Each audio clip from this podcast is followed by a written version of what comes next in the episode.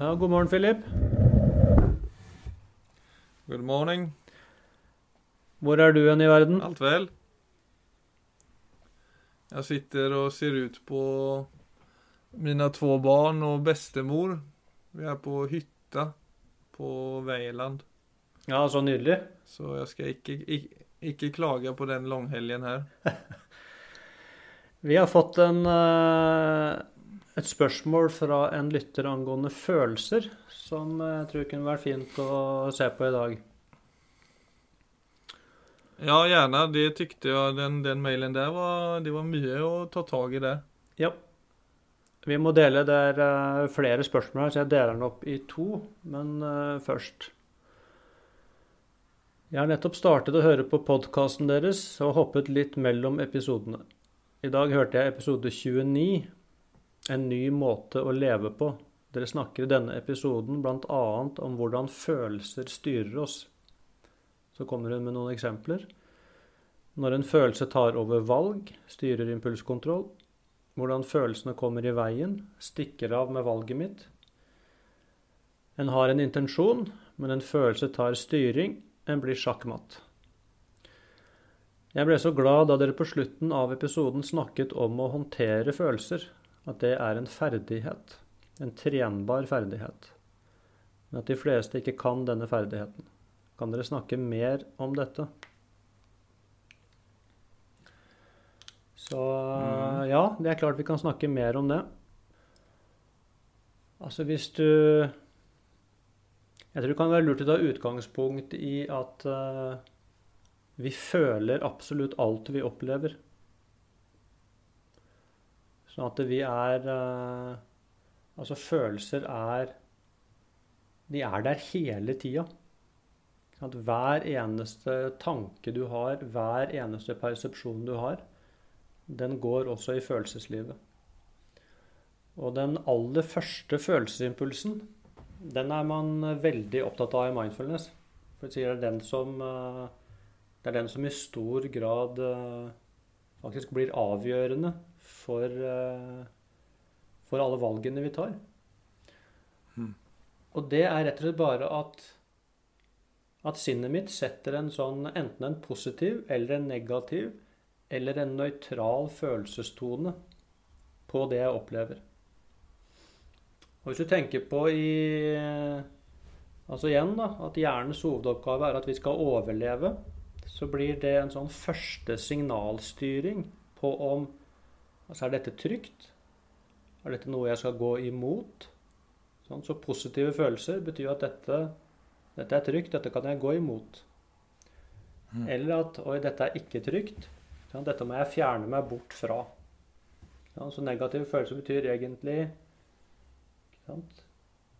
ja, ta avstand eller kom deg bort fra dette. Dette er ikke trygt. Eller så er det nøytralt. Dvs. Si det er verken det ene eller det andre. Så vi har også nøytrale følelser. Og da blir vi ofte altså likegyldige. Det er ikke så viktig for meg. Ja, det er vel en sånn slags eh, Ikke nødvendigvis dem man legger merke til heller. Nei, det er akkurat det. Nettopp. Det er akkurat det. Vi legger ofte merke til mye lenger Altså, du kan si på grunnlag av disse følelsestonene så kobler sinnet seg på. Så da lager vi et narrativ rundt, uh, rundt det vi opplever. Og det er der ofte oppmerksomheten vår kommer inn. Så da har det allerede da har jeg allerede begynt å forklare for meg selv hvorfor jeg skal gjøre sånn, eller hvorfor jeg skal gjøre sånn. Så da er jo også mønsteret mitt blitt aktivert. Så, så klart den første egentlig ferdigheten som man, som man trenger for å kunne navigere i det landskapet der, det er jo en sterkere tilstedeværelse. At jeg får med meg jeg får med meg det som skjer, og jeg får med meg detaljene i det som skjer. Så jeg vil jo si det at den første Altså grunnferdigheten her, det er jo det man trener opp i meditasjon. Det er selvfølgelig mulig å bli flink til å håndtere følelser uten å meditere. Så det er ikke det jeg sier nå, men altså den, det meditasjon gjør inn der, det er akkurat som du får bedre tid. Du får med deg mer detaljer. Det er lettere å se at dette er noe som skjer i meg. Dette er ikke meg. Så det er det som er mest overraskende når du å Når du tar et skritt til siden og begynner å observere, så kan du se at det kan være altså utrolig heftige følelsesimpulser, og også da forbundet med at det kan være minner eller planer eller bekymringer. Men hvis du ikke går inn i det og heller går tilbake til pusten, så går det kanskje bare sekunder. Og så plutselig sitter, så er det helt andre ting som er dukket opp. Og sånn, Jeg husker i begynnelsen jeg begynte med dette, så var det jo veldig forvirrende. at det var sånn, Hvordan er det mulig liksom, at jeg holder på sånn? Altså, særlig hvis du sitter Første dagen jeg satt, altså jeg satt en dag i stillhet og mediterte og observerte sinnet mitt, så var jeg jo innom tusenvis av sånne egentlig sterke følelsesmessige scenarioer. Mm. Men det var ingen av de som ble til noe stort. Det ble bare sånn noen sekunder her og noen sekunder der. Og det er klart, det er jo en kjempe Det er det man vil kalle en innsikt i mindfulness. Ja, for det du, når du satt og la merke til de liksom sterke følelsesmessige scenarioene, så var det tidligere mønster som du bare reagerte på ubevisst, da? Eller? Ja. Altså veldig, veldig sannsynlig så ville jeg La oss si at det Altså du sitter for deg selv, da, og så dukker det opp et eller annet minne. Og så trigger det mønsteret ditt på at du er ensom. Altså alle mennesker Alle mennesker har noen. Det ser ut som alle mennesker, alle mennesker går ut i parken og er så, så lykkelige sammen. Og her sitter jeg aleine og har eh, Jeg har ikke kjæreste, og ikke har jeg ditt og ikke har jeg datt. Og så, så skaper jo det et følelsesmessig Altså en følelsesmessig tilstand. Og så blir jeg plutselig Mm. sittende i den tilstanden. Så kan plutselig hele dagen min bli farget av at jeg har Mm. At den følelsen har fått, Mm. ta, den har fått taket på meg, og så begynner tankene mine da å egentlig bekrefte den tilstanden jeg er i. Og så kan jeg i verste fall bli værende i det rommet i dagevis. Det det er ikke så uvanlig heller. Nei, virkelig ikke. Og du vet, og sånn holder vi på mye. Og vi tenker bare at, at det er sånn. Og vi aner ikke Vi tenker også at dette er meg. Så når ikke vi har noe distanse til det, så blir vi hele tiden i, i følelsenes vold. Ja, for det er noe med å reagere sånn som at du reagerer monument, monumentalt, det var ikke helt riktig ord, men at du reagerer direkte. Men så tenker jeg det vi på en måte snakker om, er jo en slags respons i stedet for en reaksjon. At vi, vi responderer, altså når man börjar legge merke til tanker og følelser som de er fenomener mer enn noe man må identifisere seg med, så er det lettere å respondere i stedet for å reagere, tenker jeg. Ja, altså du Du, du legger merke til en tanke eller til en følelse innan du går inn i en slags autopilot. Ja. Det er, det er det som er hele poenget med meditasjon. Det er Altså for det at hvis ikke du Hvis ikke du legger merke til det, så er du nødt til å reagere. Så på, et, på en eller annen måte så må det bli plass til tilstedeværelsen. Som gjør at jeg kan begynne å se på følelsen i stedet for Mm. å se Altså for å se verden gjennom følelsen. Det er det vi ofte gjør. Vi ser gjennom følelsene. Så hvis jeg plutselig har fått eh, kommet inn i en, eh, la oss si en tilstand hvor jeg føler meg ensom, så ser jeg meg selv gjennom den følelsen.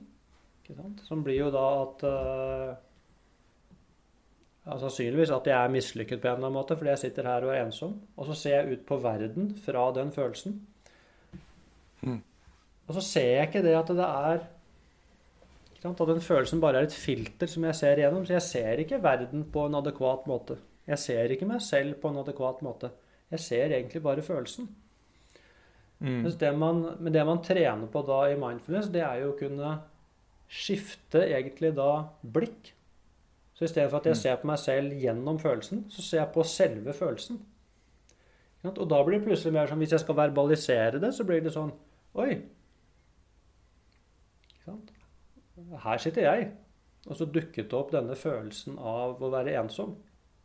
Mm. Og så kan jeg begynne å se hvordan, hvordan kjenner jeg det i kroppen? hvordan kjenner jeg selve følelsen? Mm. Så istedenfor å være da i Altså den enden Du kan si akkurat det er én ende av følelsen, som bare er hvor jeg beskriver og jeg er så ensom, og det er så forferdelig, osv., osv. Mens i den andre enden av følelsen så vil du se hvordan hvordan erfarer jeg egentlig en følelse? For da begynner du å nærme deg det som kalles emosjonell energi. Du vil kjenne at dette er noe som Følelser er levende. Det er noe som Det er følelsesimpulser, og hvor kjenner jeg de? Jo, du kjenner jeg jo i kroppen. Så jeg kan begynne å bli nysgjerrig. Akkurat som jeg ser inn i et mikroskop. Og så begynner jeg å se hva en følelse egentlig er. Og så kan jeg begynne å lære meg da til å, til å romme og til å kunne akseptere at dette holder på i kroppen min. Men uten å måtte tro at denne følelsen er den sanne beskrivelsen av meg og virkeligheten. Så jeg blir ikke lurt da til at sinnet mitt blir aktivert til å gå inn i en eller annen storyline som bekrefter det jeg føler. Mm. Så Og så tror jeg fort det blir at man reagerer Altså, for jeg vet jo det for, min egen del. altså man, om man ska använda ett et ord som kronisk, kroniska födelsemönster. Men om det er en, en födelse som har definierat meg over tid, då, en, en födelse som har kommet ofte, og som jeg har reagerat på, så har jeg ju kunnet kjenne at den födelsen har på et eller annet sett identifierat meg. For jeg har også kjent at også når den ikke står og slår på på högsta volym så er den litt i bakgrunden. Alltså att jeg aldrig, jag har kjent at jeg har reagerat på den så mange ganger at den aldri helt lämnar systemet. då. Mm. Som jeg vil tro at mange kan kjenne igjen i vissa følelser som man har, og som kommer og går ofte. Men der tenker jeg återigen Har man den känslan av at man aldri heller blir fri det, så tror jeg det for min del så har det vært det jeg har kunnet forsone meg med, er at jeg har kjent at ja, jeg har reagert på den følelsen så mange ganger at det nesten har blitt som en sånn hardwire inni kroppen. Ja. At det har opprettet en slags forbindelse som er der, som ikke helt slipper når den ikke heller er på høyeste volym. Men det, den, det er litt altså, for, for jeg har jo kunnet kjenne håpløshet over det. Men hva faen, den er jo Det er jo der. Det går jo ikke bort. Det er jo meg, liksom. Den følelsen definerer meg. Ja, det er kjempeviktig. Altså, det er klart vi Altså, vi lever jo i et uh, Altså, vi lever i et følelsesmessig landskap, faktisk. Altså, følelser er jo Altså, det er det på en måte som er krydderet i livet. Ikke sant? Så vi er uh, Altså, vi er mye mer bundet opp i følelser enn vi er klar over, tror jeg. Og så er det jo akkurat som du sier også, at vi har disse Altså, vi har noen sånne grunnfølelser som stort sett er det vi lever fra. Det er sånn baseline i følelseslivet. Og det er klart at det, det knytter seg til identiteten vår. Så et menneske som har gått rundt med ja, f.eks. veldig mye da, av vanskelige følelser, vil også etter hvert kjenne å få egentlig, altså sin jeg-identitet knyttet til de følelsene.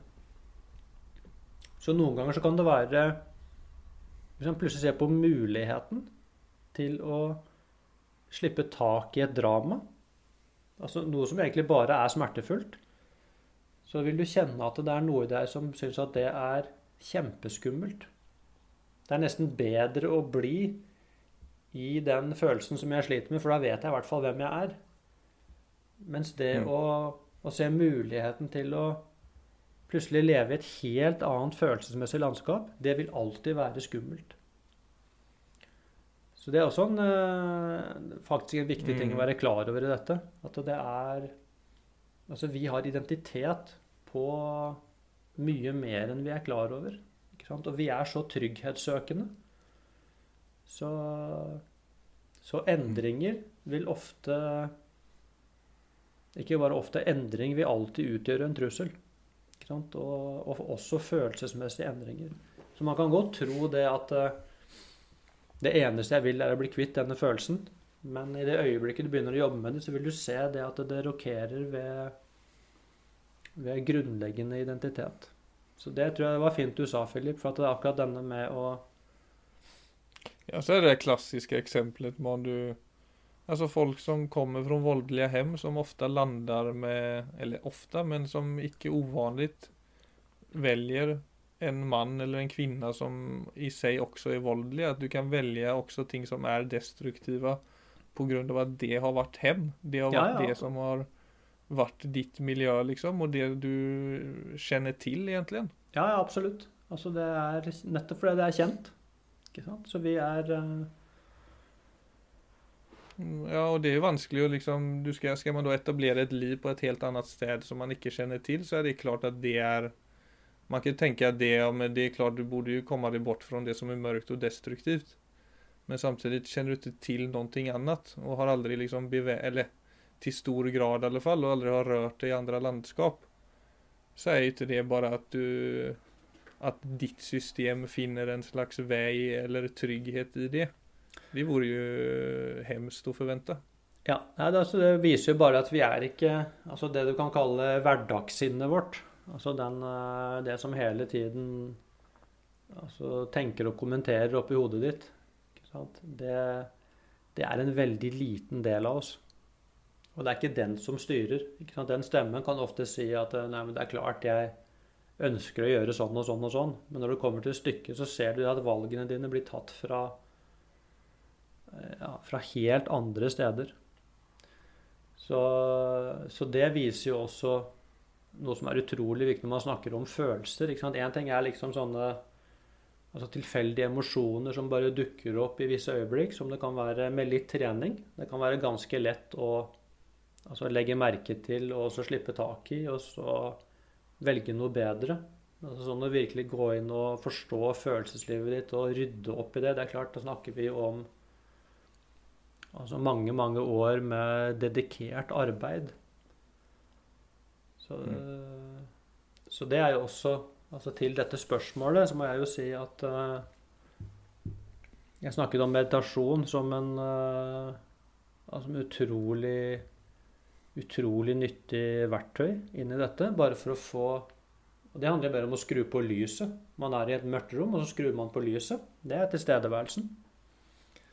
Og så er det refleksjonen, som er jo det at man må være nysgjerrig og spørrende Mm.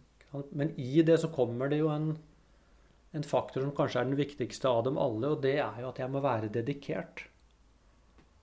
Jeg må være, jeg må være villig, men jeg må også ha lyst til å gå inn i det. Det er ikke nok å egentlig bare sånn Jeg har lyst til å få et bedre liv, men jeg har ikke lyst til å gjøre noe for det. Da kommer man ikke noen vei i dette landskapet. Men om vi skal kon konkretisere det der da, som i en vardag med verktyg. Hva tenker du, bortsett fra meditasjon, som er en systematisk praksis, så har du god, et godt sett uh, for folk å liksom ta det i bruk i livet? Et, et, et verktyg som er enkelt å forholde seg til for å få øye på dette, og for å kanskje klare av å skape det forholdet til tanker og kjensler? Altså jeg vil si Det andre verktøyet er refleksjon. Og da er det jo alltid nyttig å systematisere litt. Så jeg vil jo si at det å altså ha en journal og, og, ha en liten skriveøvelse for seg selv For at på en eller annen måte så må jeg gjøre det Jeg må få øye på ikke sant, denne mekanikken i det. For følelser er også en form for mekanikk. Så det å bare begynne å skrive ned Sånn at du begynner i, i situasjoner hvor du merker at oi, der Der kobla bare disse følelsene seg på, så tok de over valget mitt, og så sa jeg noe annet enn det jeg mente. Ikke sant? La oss si at eh, Og det å da gå tilbake til situasjonen i etterkant, mm. og så begynne å skrive ned Og da er det noe med å finne ut hva er de viktige komponentene. Jo, det ene er jo bare sånn hva var, hva var situasjonen? Altså den rene, objektive situasjonen. Så det blir på en måte å lete fram Altså Hvis jeg så denne situasjonen på film, hva ville jeg sett da? Så det er bare den rent ytre handlingen. Så f.eks. sånn eh, Jeg satt og snakket med Philip, og så sa Philip pop, pop, pop. Du sa et eller annet som gjorde at Og når Philip sa det, da skjedde det noe med meg. Da skjedde det en eksplosjon i meg. Og da kommer neste kolonnen, som er Hva skjedde i meg da? Kan se om man blir nysgjerrig på hva skjedde i Egentlig hva skjedde i tankelivet mitt? Og hva skjedde i følelseslivet mitt? Og hva skjedde i kroppen min? Ja, for det er det på en eller annen måte så er jeg nødt til å bli kjent med det. For det er der jeg ser den automatikken som begynner å stikke av med meg. Og så til sist så blir det å se også hva gjorde jeg? Så la oss si det at du kan Vi sitter og snakker Låt oss si at det er eksperiment, Viggo. Ja. Jeg kan si, jeg kan si noe slemt til deg. Nu, I dag syns jeg ikke du gjorde en så bra jobb i podden.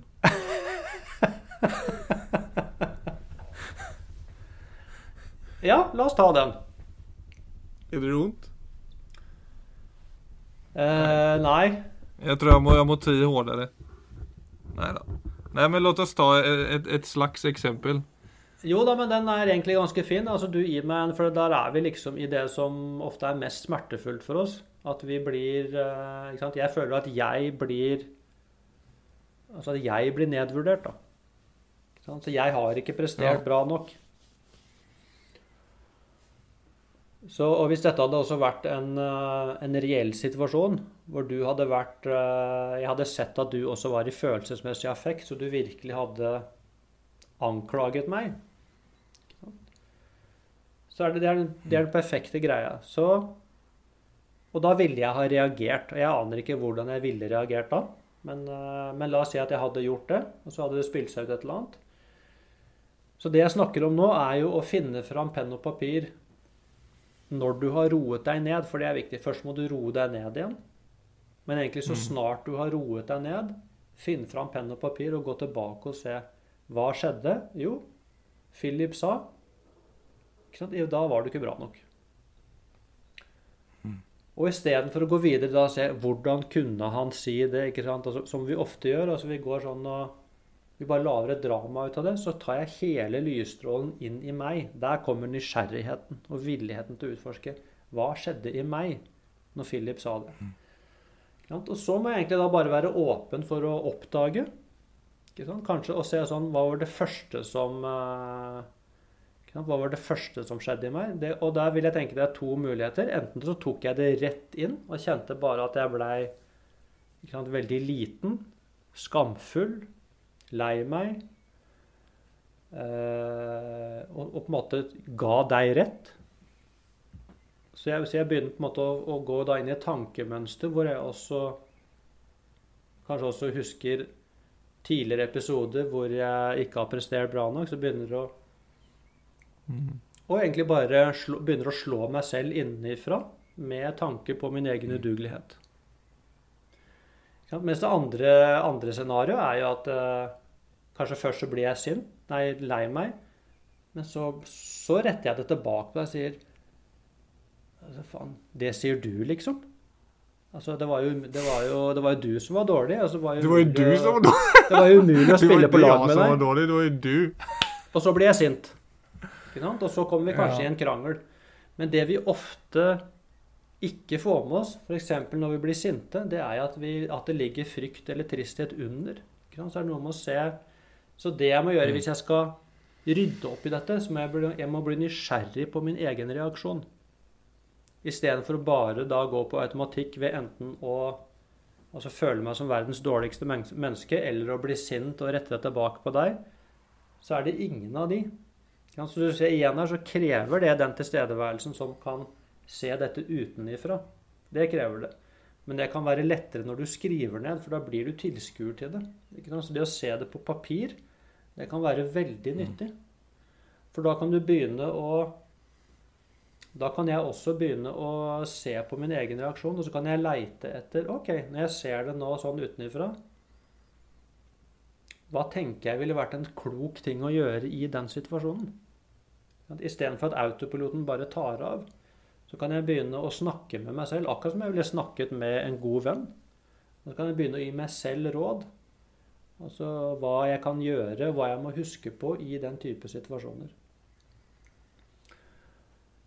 Så vil du da se at eh, det er derfor dette her krever interesse. For at hvis du, hvis du bare vil ha det litt bedre, men du er ikke interessert i å gjøre en jobb, så vil jeg si at det, egentlig da må du bare vente litt. Altså. Men hvis Ja, for du derimot er da, da tar kjenslene over. ja, Har man ikke ja, og dette krever, så- dette krever litt Dette krever Ja, for jeg tenker faktisk en også det. Nå snakker du hur man skal, hur man skal for, jeg tenker det, nu, du snakker mye om hvordan vi skal forholde oss til en sånn situasjon på et plan gentemot seg selv som en god venn og liksom med varme og aksept. Men så er det også det i den type situasjoner som jag kan, som kan hjelpe meg, som også har et annet perspektiv på det, så kan man ju, alltså vad var intentionen från min sida när jag sa det til deg? Alltså det er ju det kan ju vara att jag projicerar mitt egna misslyckande på dig. Det kan vara att jag har en dålig dag och så lagar jag utagerar jag en følelse över en person som jag känner mig trygg på. Eller om du sitter i en bi i bilkö och någon tutar på dig. Bara det kan man ju ta personligt ibland. Men så är det kanske en person som bara är stress, stressad bak dig. Ikke sant? Mest sannsynlig. Så det er jo alltid, det er alltid et forhold. Det alltid, det, det er også en annen intensjon bak det, som ikke nødvendigvis handler om en selv. Men at man av alle de her sterke følelsene tar allting så veldig personlig. Ja. Men at grunnen til at det skjer, er alt annet enn person, eh, personlig i mange fall. At det kommer fra en annen, eh, fra en annet menneskes intensjon som absolutt ikke har med det å gjøre, men at den personen utagerer eller formulerer seg klumpigt som gjør at man selv blir såret. Og det krever refleksjon. Alt det du snakker om der. Så det er klart det Og du vil se det at i det øyeblikket jeg får øye på at Altså Når Philip sa det, så, så snakka han faktisk bare om sin egen tilstand. Han snakka ikke om meg i det hele tatt. Så det er klart, det som skjer da, er akkurat som om Det blir rett og slett som det utfolder seg i et mye større rom. Mm. Så det vil jeg også si er kvaliteten til tilstedeværelse. Det er at det er en altså Nesten bruke det engelske, altså spaciousness. Ikke sant? Så da I det øyeblikket jeg ser det også, så er det klart at det, det vil jo også treffe på en helt annen måte. Og da må jeg også begynne å reflektere rundt altså egentlig all menneskelig interaksjon. Og se skal jeg la Altså skal jeg virkelig la egentlig andre menneskers ubalanse. Da. Skal jeg la det være det styrende elementet i mitt liv? Man kommer ned til en del sånne ting, og dette er, jeg vil si igjen, dette er innsikter. Og de innsiktene, de gjør noe med De gjør noe med deg. Det er akkurat som om det gir en uh... Jeg likte den spaciousness. Det er veldig, altså også sånn når man, så som tanker og følelser som man føler kan definere en og være bare 100% men altså et sånt enkelt og effektivt eksempel er om jeg har hatt en tanke som har bare vært sånn det, Den har definert livet, så jeg har tatt en løptur som jeg gjorde i går, og så bare isbadet jeg, og så var jeg på vei opp mot hytta igjen. Eller isbada, men bada. Og så har jeg på en måte brukt mitt system på en sånn På en sånn måte jeg har gjort, og så kjenner jeg plutselig at den tanken er det, men at det er masse space rundt den tanken. Mm. Og det har jeg gjort av en, altså, gjennom en fysisk handling mer enn en mental praksis.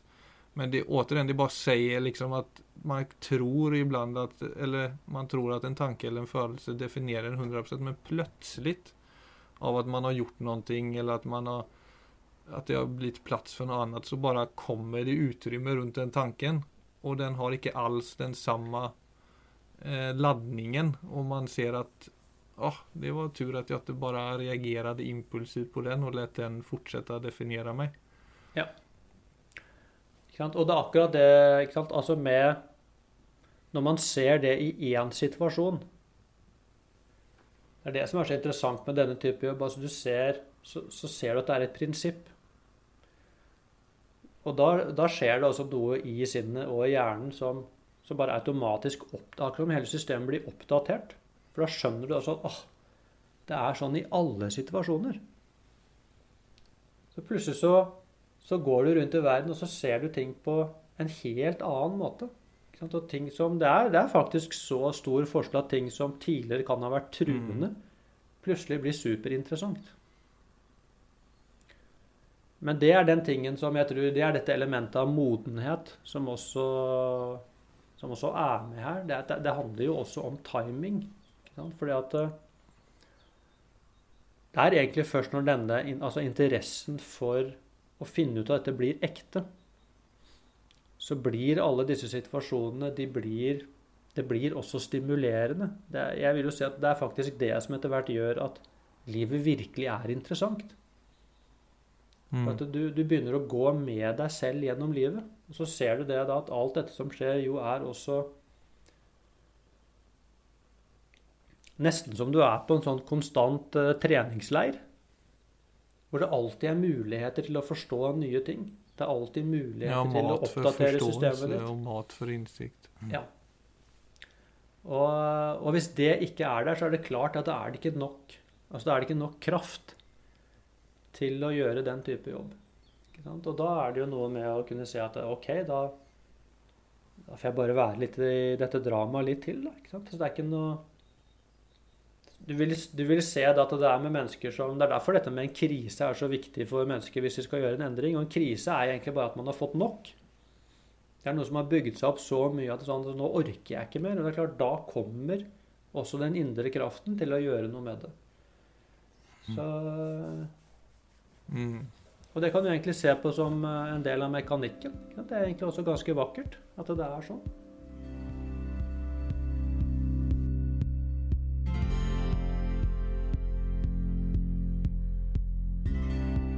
Jeg blir glad når dere sier at vi er ikke følelsene, tankene våre. Selv om jeg kan identifisere at det jeg tenker, føler i ulike situasjoner i livet, som leveranse på jobb, diskusjon med venner etc., ikke er riktig, styres jeg mye av følelser, samvittighet og tanker om at alt alltid kunne vært gjort bedre. Jeg legger dette presset på meg selv, og jeg hadde aldri kommet så langt i min idrettskarriere uten disse ferdighetene. Jeg ønsker bare å trene noen ferdigheter som gjør uh, at følelsene mine alene ikke får lov til å identifisere hvem jeg er. Jeg ønsker å bli litt mm. mildere med meg selv. Jeg ønsker å kjenne mer på en genuin følelse at det jeg gjorde, sa, leverte, var godt nok. Var noe jeg var fornøyd med, kanskje til og med stolt av. Så dette blir jo en videreføring av det vi allerede har snakket om. Men det er klart eh, Det er her man må klare å begynne å for det første skille. La oss si igjen at vi og Nå er vi i en samtale, og så legger du en forventning på meg og sier at det ville vært veldig fint hvis du kunne altså komme til meg på søndag og så hjelpe meg å tømme kjelleren. Mm. Og så kjenner jeg bare at herregud, ikke sant? Altså, det har jeg ikke lyst til. Ikke har jeg tid heller. Så jeg kjenner bare at det, det har jeg rett og slett ikke anledning til.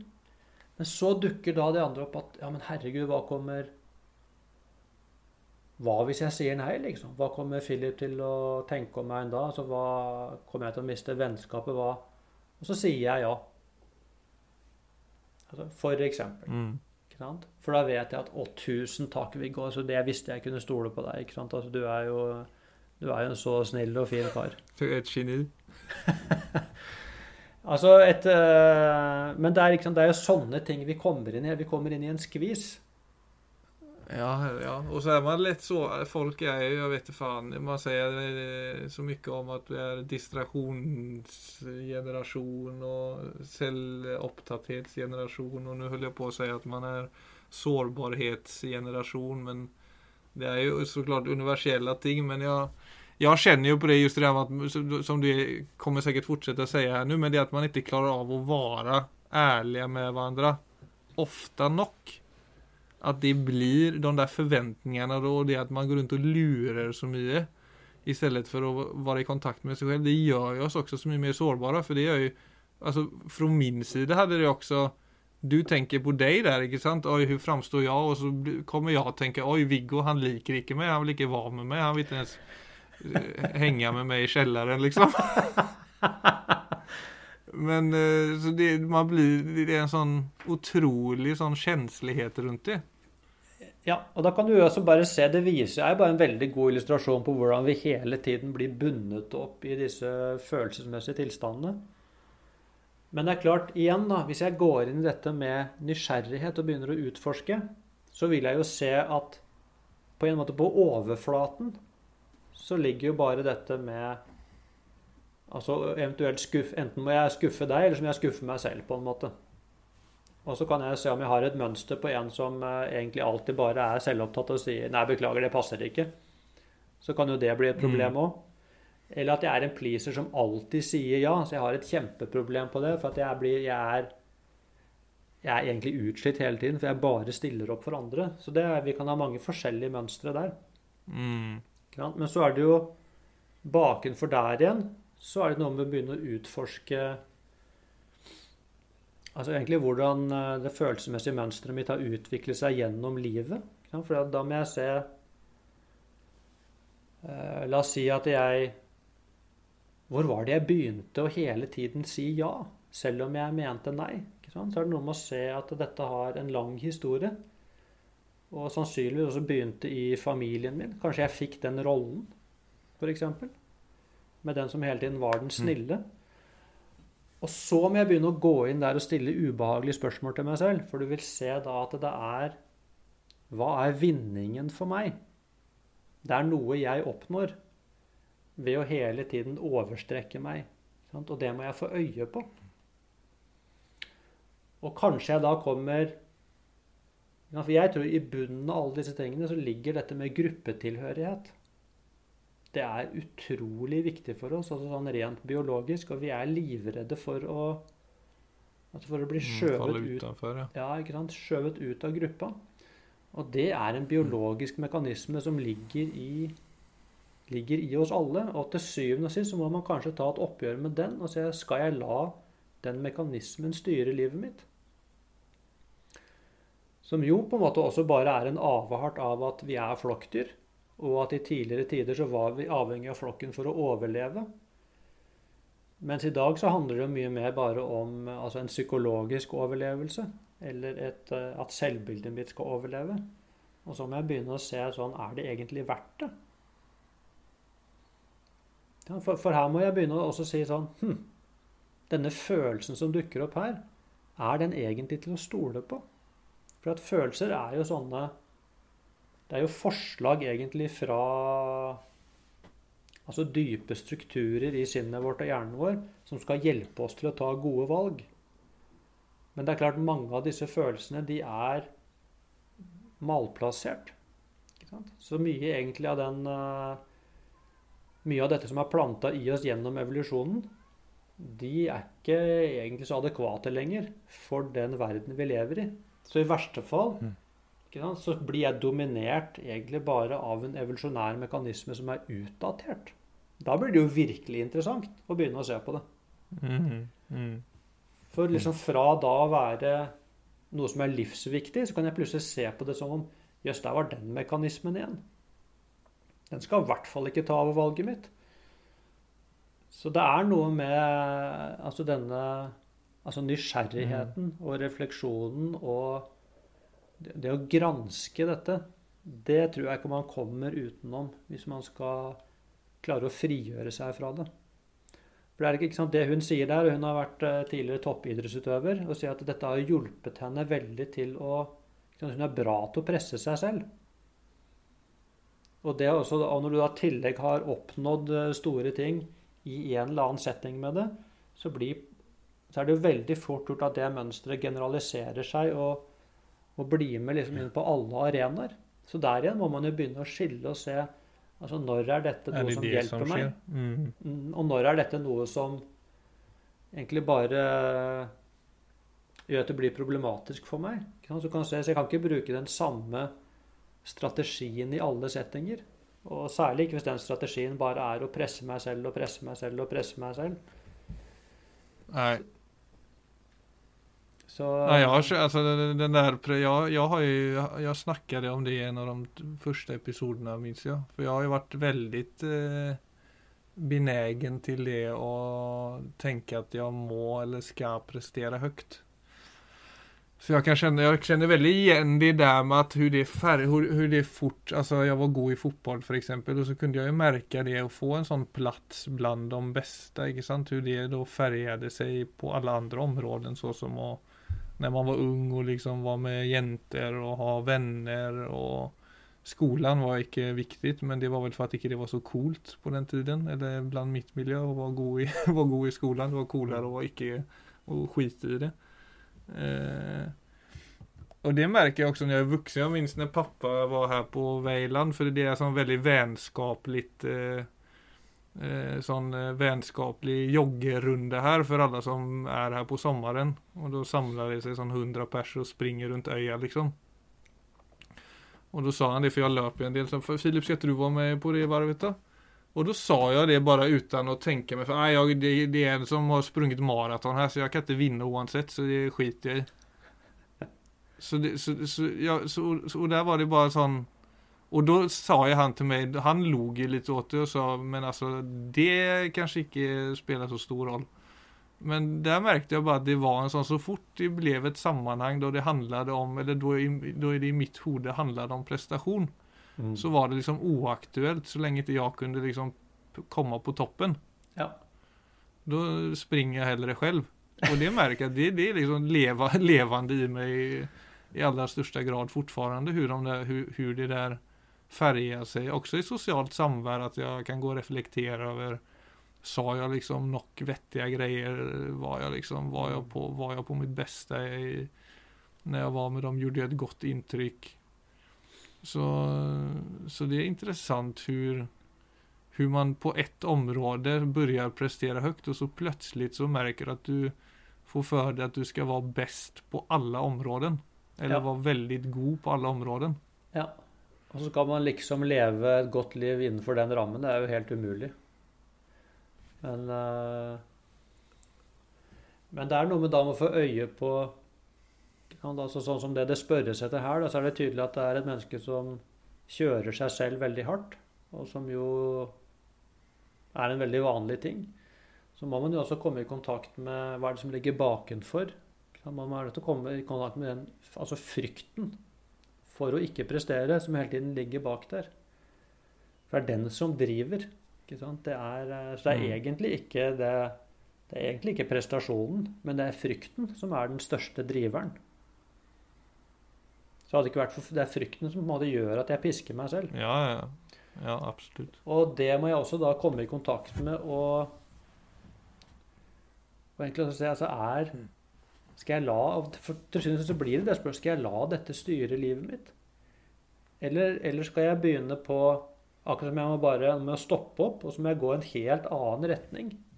Hvor grunnspørsmålet hele tiden er hva er det som kjennes riktig for meg? Dypest sett.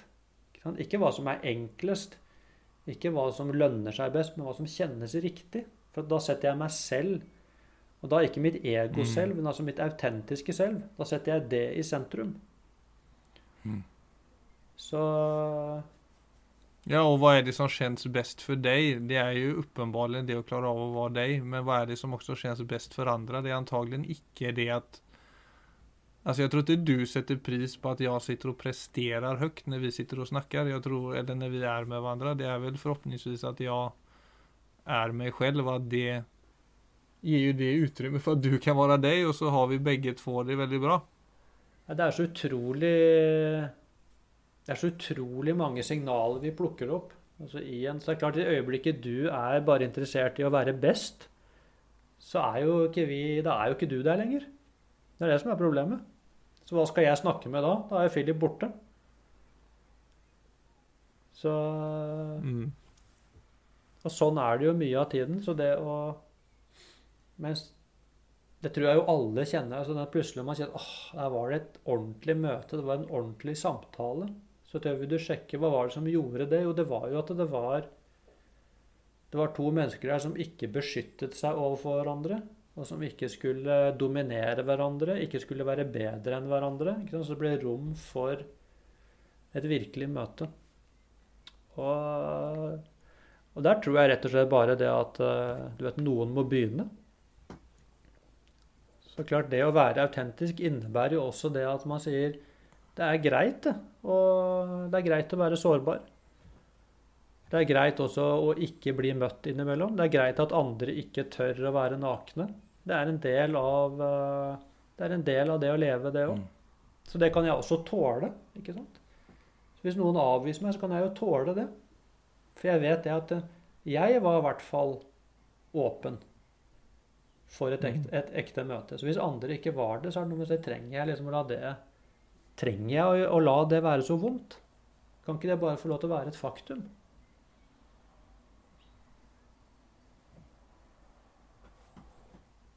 Så jeg tror egentlig det vi trenger mest av alt i dette vi snakker om her, Philip, det er å tenke oss om en gang til. Sant? Og virkelig ta utgangspunkt i vår egen erfaring og begynne å undersøke. Mm. Begynne å undersøke det fritt. Ikke bare la alle disse vanene og uvanene fortsette, men si stopp. Hva er det egentlig som skjer her? Og hvordan skal jeg Mm. leve? Er det så krise å Hvis noen ikke liker meg, er det så krise å bli avvist? Altså Er det ikke egentlig det eneste viktige at eh, at jeg er eh, Altså at jeg kjenner at at jeg er ekte. At jeg våger. Sånn at når jeg kommer hjem for meg selv og skal evaluere dagen, så kan jeg si dette har vært en veldig vanskelig dag, men jeg var i hvert fall meg. Så Det er jo en form for stolthet i å kunne se at uh, Ja, om ikke annet så vokser det en stolthet, tror jeg. ja, det vil jo gjøre det, istedenfor å si at nei, det ble så vanskelig, så jeg bare jeg bare spilte rollen min. Jeg bare inngikk et kompromiss. Nei, jeg turte ikke vise hvem jeg var. Så det gikk bra. Men det gikk jo ikke bra med meg. Så det er noe med den Vi må finne ut altså, hva er det egentlig som er, viktig. det er som en sånn eh. Instagram-like. Ja, Ja. det blir veldig kortvarig. Ja, ikke sant? Altså, det er Du kan ikke bygge livet ditt på sånne ting. Det er, ikke engang om du hadde hele verden ikke sant, som eh, tilskuere. Altså, er det, det blir ikke noe liv. Det blir bare tomt. Nei. Så hva er det egentlig som gir fylde inn i et liv? Altså, det er jo Så klart vi snakket her med hvordan håndtere følelser, men altså jeg vil si til syvende så kommer du så dypt inn i det, altså så skal du håndtere følelsene dine på en god måte, så må du bli kjent med deg selv. Altså det er ikke noe sånn uh, A, B, C, liksom akkurat som man blir flink til å hoppe ikke sant, til å hoppe i strikk. Nei, altså det er her snakker Nei, men Jeg tror det er veldig fint det du sier. Jeg tror ikke det nødvendigvis trenger å kjennes helt overveldende heller. For det er jo... det kan være like mye spennende som det kan være liksom tufft og, og litt vanskelig i starten. Men det er bare det å, å begynne liksom undersøke det eh, gå fra å reagere på følelser og tanker direkte til å bli nysgjerrig på å legge merke til innan vi reagerer, så at vi kan respondere på en litt mer fornuftig måte. Ja. Det kan jeg kjenne at det For det som er, det som er spennende i det, det er at det ligger altså återigen stolthet, men det er en, det er en utrolig aha-opplevelse og en sånn mestringskjensle over det å plötsligt se at den tanken som vi var inne på tidligere får det der utrymmet, eller spa Mm. spaciousness som du var inne på. At det er noe som vokser rundt en tanke, og vokser rundt en tanke som er luft, og som er et rom og en frihet som er liksom deilig å være i, tross at den tanken eller følelsen kan også være der. Så er det ikke det som styrer våre valg. Från at vi tidligere, tre timer tidligere tenkte at oh shit, jeg må agere på den tvangstanken nå, annars så raserer verden. Yes. Jeg tror vi eh, Jeg tror vi skal la det være siste ord, jeg, Philip. Det tror jeg er en fin, eh, fin, et fint sted å avslutte. Altså at vi holder den muligheten åpen. Den muligheten, Syns du jeg presterer det bra i dag da, Viggo? Jeg syns det var helt middels. Nei. Jo, men den, den tar jeg liksom. Jeg er på en reise. Jeg er bare 29 år, vet du. Når jeg er 40, så blir det middels pluss. Ja, ja. Veldig fin, Philip. Takk for en god Ja. samtale. Ja, det samme.